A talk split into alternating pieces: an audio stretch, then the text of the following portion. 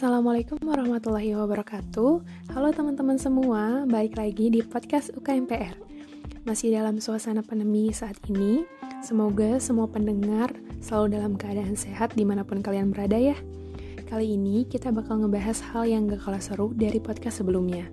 Udah ada tamu spesial yang keren banget. Beliau adalah mantan pengurus UKMPR periode 2017 sampai 2019 udah banyak banget prestasinya, pokoknya keren banget deh. Di sini udah ada Mas Maulana. Mungkin anak-anak UKMPR lebih akrab manggilnya itu Mas Maul. Halo Mas Maul. Halo. Gimana kabarnya Mas? Alhamdulillah sehat, baik. Kamu gimana kabarnya? Alhamdulillah aku juga baik Mas. Mas, kita mau ngucapin banyak terima kasih karena Mas udah menyempatkan waktu buat ngobrol bareng kita. Sebelum kita tanya-tanya, nah Mas Maulana Nur Ardian ini mungkin lebih akrab dipanggil Mas Maul. Tahun kemarin menjabat menjadi pengurus UKMPR, yaitu jadi kadep Departemen Riset. Dan sekarang menjabat sebagai DK, yaitu Dewan Konsultatif. Nah, kalau dilihat dari CV-nya ya teman-teman, pengalaman kegiatan yang diikuti itu udah banyak pengalaman organisasinya juga gak kalah banyaknya. Dan ada yang paling keren nih, yaitu pengalaman ikut perlombaannya. Nah, kali ini aku mewakili kalian semua bakal tanya-tanya ke Mas Maul seluk-beluk pengalaman dia ikut lomba. Biar gak makin penasaran, kita langsung aja ya. Aku lihat nih di CV-nya Mas Maul, itu tahun 2019 jadi finalis PIMNAS 32 di Bali. Nah Mas, boleh diceritain nih ke teman-teman semua awal Mas ikut PIMNAS itu kayak gimana?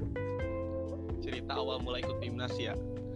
Uh, berarti kan yeah. semuanya berawal dari PKM ya. Uh, uh, jadi uh, untuk PIMNAS itu sendiri pertama diawali dari PKM 2018. Jadi waktu itu sebenarnya ini sebuah ketidaksengajaan sih tiba-tiba aku diajakin sama Mbak Azi uh, yang sekarang wapres Buk MPR terus tiba-tiba ngajakin kayak gini Mas uh, bisa nggak join kita gitu tim kita?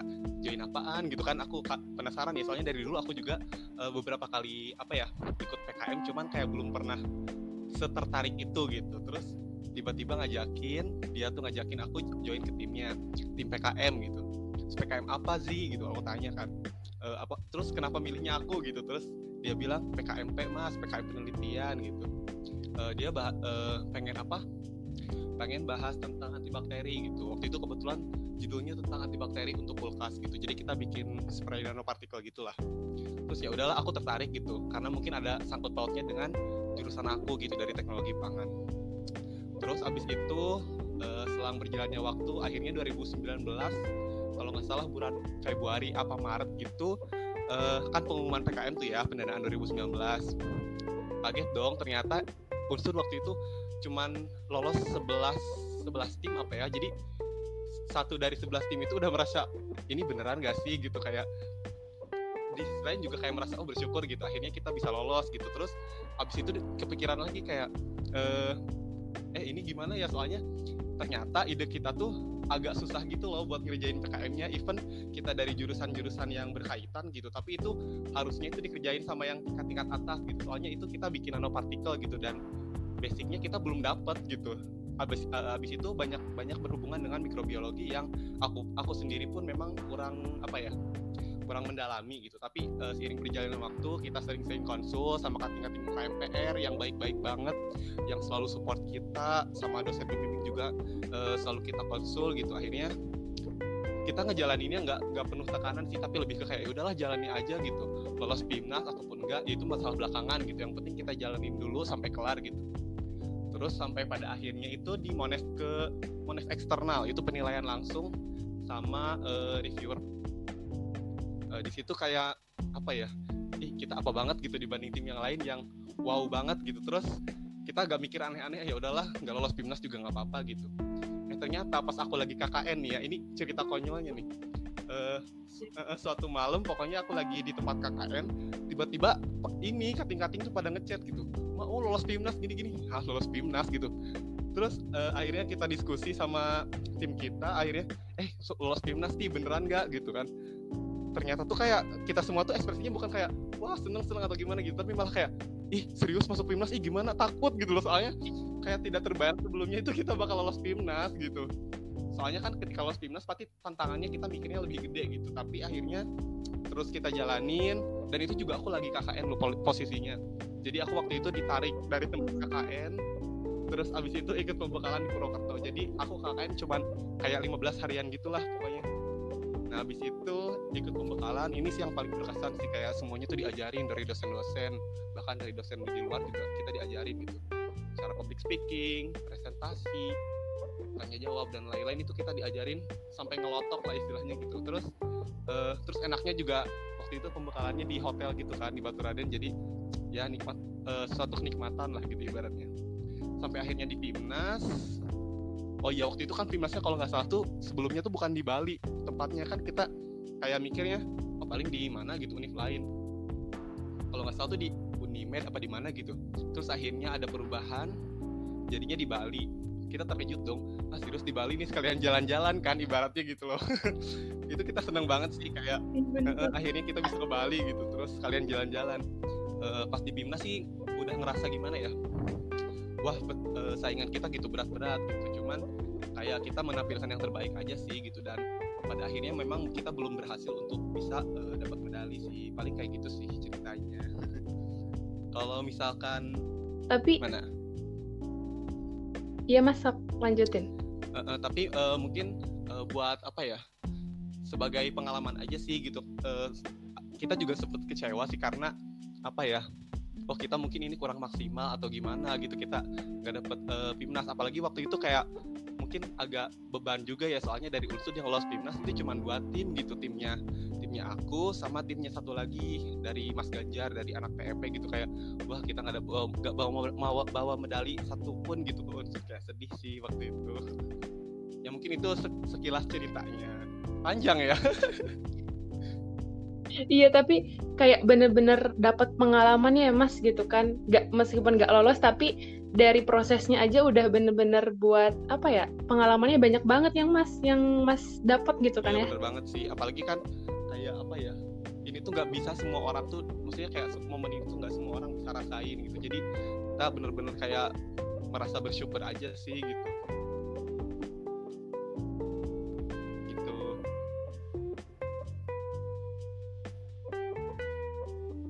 Nah iya bener. Jadi gak ada, gak bakal terulang dua kali lah istilahnya ya mas ya. Nah mungkin nih mas buat kayak para pemula kan tadi Pimnas tuh berkaitan sama PKM. Mungkin buat para pemula kayak aku, terus mungkin nanti maba 2020-2019 yang baru masuk unsur nih, bisa gak sih dijelasin mas PKM itu susah gak sih menurut mas bikinnya? Terus uh, manfaatnya bikin PKM buat kita tuh apa aja gitu? Uh, setiap orang kan kemampuannya bisa bisa bikin KM dengan gampang ada juga yang enggak gitu. Tapi kalau menurut aku sih balik lagi sih ke niat awal gitu. Ketika kita bikin PKM kita niatin bener-bener gitu. Jangan cuma asal-asalan pas bikin pas bikin PKM-nya gitu. Maksudnya jangan jangan hanya satu. Misalkan rata-rata kan PKM orang-orang bikin kayak misalkan untuk upload apa untuk apply beasiswa atau untuk uh, perbaikan nilai kayak gitu gitu jangan jangan jangan mikir ke situ sih kalau menurut aku uh, yang penting tuh niat sama motivasi yang kuat sih. Maksudnya pengen pengen bikin PKM yang iya. bener-bener gitu. Susah atau enggaknya nanti uh, kita jalani sendiri kan. Maksudnya uh, ketika susah ya kita tanya gitu sama sama mungkin kating-kating yang udah expert atau dosen-dosen kita yang udah mumpuni di bidangnya gitu. Menurut aku selama kita berusaha itu nggak ada nggak ada yang namanya susah sih. Semua juga melalui proses gitu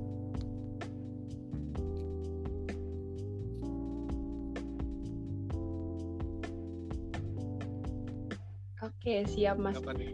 Terus nih Mas, aku tuh ada hal yang menarik di CV Mas gitu kan ya. Uh, terus kebetulan aku juga tahu gitu kan uh, apa namanya kemarin itu Mas udah jalan-jalan nih ke negara yang mungkin orang-orang tuh pengen ke sana juga gitu kan ya. Di CV-nya ada 2019 itu oh, iya. Jadi, uh, ke Seoul gitu kan. Nah itu ya, tuh ke Korea itu lomba apa sih Mas? Aku berkesempatan sama timku tentunya uh, untuk lomba di Korea. Nama acaranya itu Seoul International Invention Fair 2019.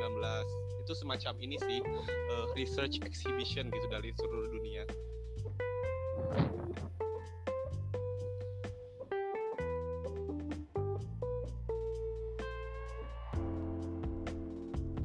nah mau tanya lagi nih mas gimana sih kok Korea, apa awalnya kok bisa gitu, ikut lomba terus sampai ke luar negeri ke Korea juga gitu lagi kayak popper gitu ya. Iya. Iya uh, bener mas itu. ya. kayak impian semua anak ke Korea gitu. itu. Nah iya uh, betul mas itu. apa ya mungkin dari awal gak apa-apa dicerita oke oke oke. Kalau cerita awal Korea itu dulu kita kepikiran uh, kan Siap, waktu mas, itu aku apa -apa. uh, 2018 itu sempat jadi ketua SSC ya. Nah di situ aku sama temen-temenku, temen deketku uh, itu kayak mikir, ih kita nih udah udah bikin kepanitiaan gitu. Maksudnya kita udah bisa mengorgani mengorganisir diri sendiri gitu dengan baik gitu. Terus habis itu kayak habis ini pusing-pusing, terus habis mikir pusing-pusing SSC, gimana kalau kita jalan-jalan gitu terus kayak ya udah yuk uh, jalan-jalan gitu. Waktu itu mikirnya kayak nggak mikir ke Korea gitu mikirnya kayak ya udahlah ikut LKTI biasa. Biasa kan anak UKMPR pengen jalan-jalan apa pengen LKTI tuh jalan-jalan kan kayak gitu. Terus uh, dulu mikirnya nggak ke Korea gitu. Paling uh, mikirnya kayak ke negara-negara tetangga aja gitu. Kayak misalkan kalau mau keluar negeri paling ke Malaysia atau Singapura kayak gitu. Yang yang istilahnya tuh masih kejangkau lah sama kantong mahasiswa gitu. Tapi waktu itu kita agak sedikit nekat sih awal mulanya itu uh, pokoknya bener-bener pas habis SSC 2018 akhir kalau nggak salah kita 2000 uh, eh, Desember apa November gitu kita bikin tim akhirnya timnya itu terdiri dari lima orang yang anak-anak UKMPR juga. Tapi uh, sat, uh, ada satunya yang dari luar gitu. Kebetulan itu teman-teman dekat aja sih yang kita ajakin gitu terus yang uh, bisa lah gitu. Habis itu 2018 prosesnya itu kurang lebih selama setahun full gitu. Jadi memang selama setahun itu dari 2000, dari 2018 akhir sampai 2019 pertengahan tuh kita uh, nyusun konsep, nyusun ide, nyusun penelitian apa yang mau kita bawa ke lomba di Korea itu sama dari ini uh, sponsorship sama undangan gitu. Jadi selama satu tahun itu kita ini tahu beneran beneran apa ya semuanya itu kita kerahkan gitu kayak mana waktu itu lagi sibuk kan kayak semester 6 atau itu kan bener-bener sibuk banget nih buat angkatan 16 gitu jadi kita bagi waktu buat uh, tetap usdaan, sanmoran buat nyari duit berangkat ke Korea gitu. Di sisi itu juga kita ngerjain penelitian. Uh, kebetulan penelitiannya biayanya dibantu dosen sih, maksudnya kayak dosennya berbaik hati untuk bantu penelitian kita gitu. Terus nyari-nyari sponsor ke Pemda, ke segala macam lah kita usahain ke perusahaan-perusahaan gitu sampai akhirnya itu hal yang paling kocak sih pas Hamin tiga, Hamin tiga berangkat mau ke Korea. Jadi aku masih ingat banget Hamin tiga itu kita rapat terus sambil drama gitu karena pertama itu dari dana tuh kita masih kurang cukup terus kayak semuanya tuh belum siap dengan matang gitu. Terus malam itu tuh kita rapat kita ngomongin guys gimana kalau misalkan besok kita belum bisa berangkat? Gitu. Ibaratnya tuh hamin tiga ke Korea tapi kita belum punya tiket pesawat gitu kebayangkan mana di situ kita uh, lagi pramubes pramubes UKMPR yang di mana lagi sibuk-sibuknya. Terus aku lagi ada project riset besar. Itu bener-bener kayak aduh harus membagi pikiran harus membagi tenaga gitu. Tapi akhirnya hamil tiga itu kita putusin besoknya itu kita dapat rezeki gitu. Akhirnya bisa berangkat ke Korea gitu. Itu bener-bener wah serius gitu akhirnya. Bisa berangkat selama perjuangan kurang lebih satu tahun itu gitu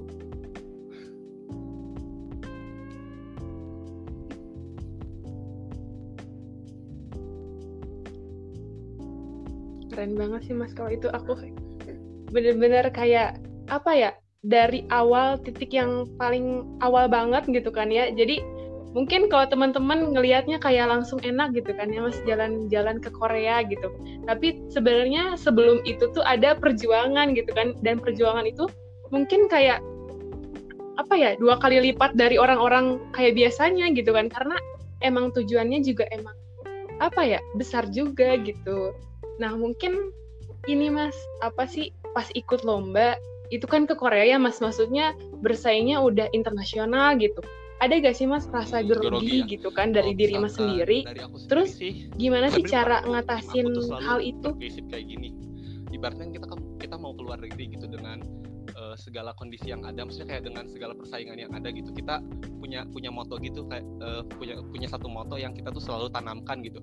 Ibaratnya gini, kalau misalkan kita mau ngegas ibaratnya mobil tuh mau ngegas nih ibaratnya kan kita punya bahan bakar yang lebih banyak kan untuk ngegas tersebut gitu maksudnya untuk bisa melampaui batas kita gitu. Jadi uh, intinya tuh uh, kalau misalkan kita uh, ingin mencapai suatu target ya usaha kita juga harus sebanding gitu ibaratnya. Jadi uh, ketika aku grogi di sana gitu pasti ada grogi gitu namanya juga manusia gitu. Apalagi mungkin dengan keterbatasan bahasa ataupun segala macamnya itu malah makin-makin gitu. Tapi uh, kalau menurut aku untuk mengatasi rasa grogi sih uh, yang pertama uh, percaya diri aja sama diri kamu sendiri gitu. Terus uh, jangan lupa untuk uh, uh, belajar dan berdoa itu yang paling penting. Terus selain itu juga yang selalu kita tanamkan prinsipnya itu adalah kayak gini. Uh, istilahnya yang tahu kurang lebihnya penelitian kita yang kurang kurang yang tahu kelebihan dan kekurangannya tim kita itu diri kita sendiri gitu. Jadi ibaratnya ketika kita show up di depan publik ya udah tampilin yang bagus-bagusnya gitu yang jelek-jeleknya nggak usah ditampilin. Jadi ibaratnya ya kita uh, mem, apa ya membuat pede diri sendiri dulu gitu. Ketika uh, rasa grogi itu muncul ketika kitanya pede ya istilahnya tuh nggak terlalu kelihatan gitu. Kalau dari aku gitu sih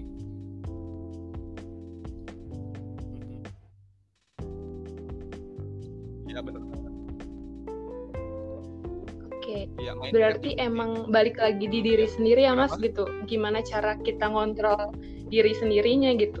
Nah Mas karena belum, iya betul. Karena belum puas nih ke Korea itu acaranya kayak gimana sih Mas? Apa acara lomba uh, mungkin, atau uh, kalau festival lomba, ilmiah kayak agak, gimana gitu? Biar kayak teman-teman tahu kayak, gitu. Uh, apa ya pameran kali ya. Jadi kayak semua semua penelitian itu dipamerkan nanti uh, penelitian tersebut dinilai gitu mana sih yang cocok atau yang layak mendapatkan kriteria sebagai gold yang silver dan mana yang bronze gitu. jadi uh, di sana tuh bukan bukan kayak kompetisi yang apa ya ibaratnya tuh bukan kompetisi yang memperebutkan satu juara aja gitu. Di sana banyak gitu uh, medali yang ditawarkannya. Apa uh, ada masing-masing kategori gitu yang di mana tuh masing-masing kategorinya itu dapat bakal dapat medali kayak gitu. Jadi ini tuh lebih ke kayak pameran aja sih. Terus di sana juga uh, nanti penelitian penelitian kita tuh bisa dipamerkan terus uh, kalau misalkan beruntung nih kita bisa dapat investor buat uh, penelitian kita gitu. Jadi bisa juga jadi ladang bisnis gitu loh. Itu sih yang menariknya.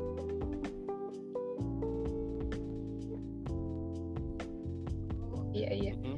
dan kebetulan dan kebetulan ya, itu ya mas. Apa namanya? tim mas Makul dan tim soalnya, menangnya silver kan medali ya perasaannya tuh kayak gimana sih?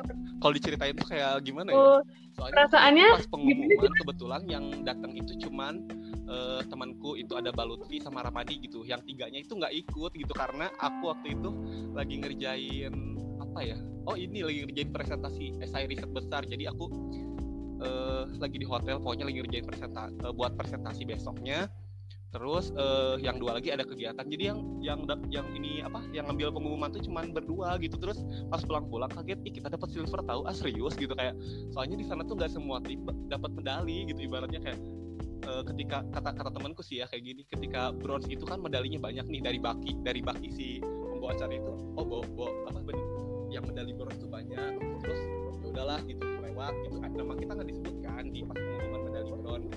Habis itu pengumuman medali perak gitu kok dibaginya cuma dikit gitu kayak kita harap-harap cemas.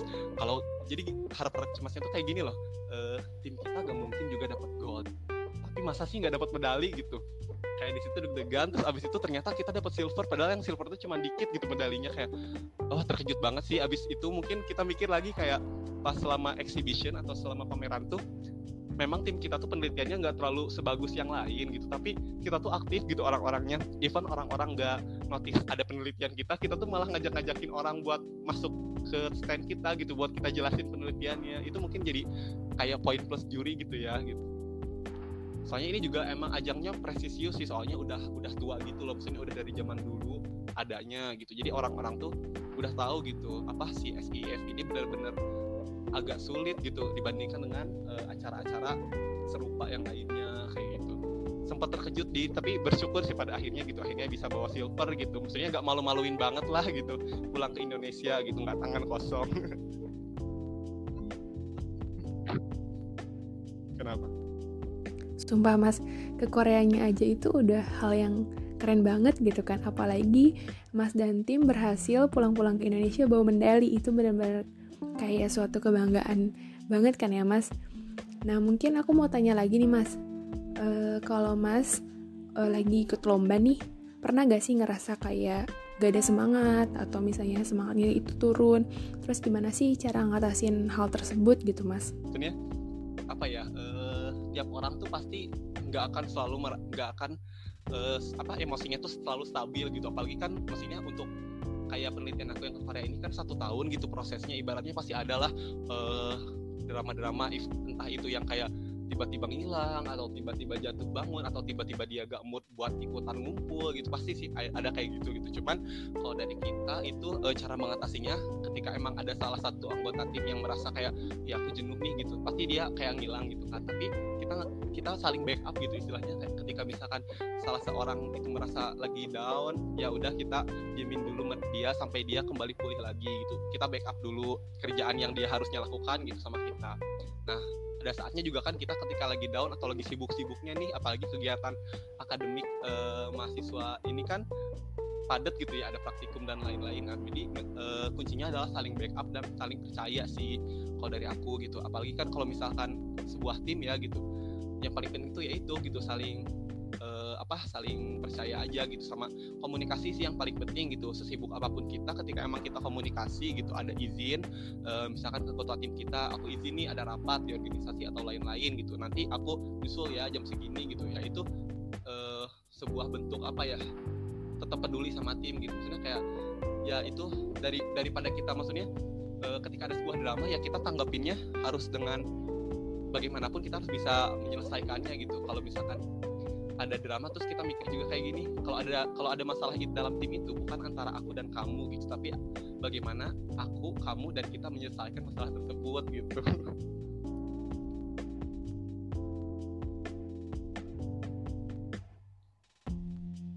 Betul.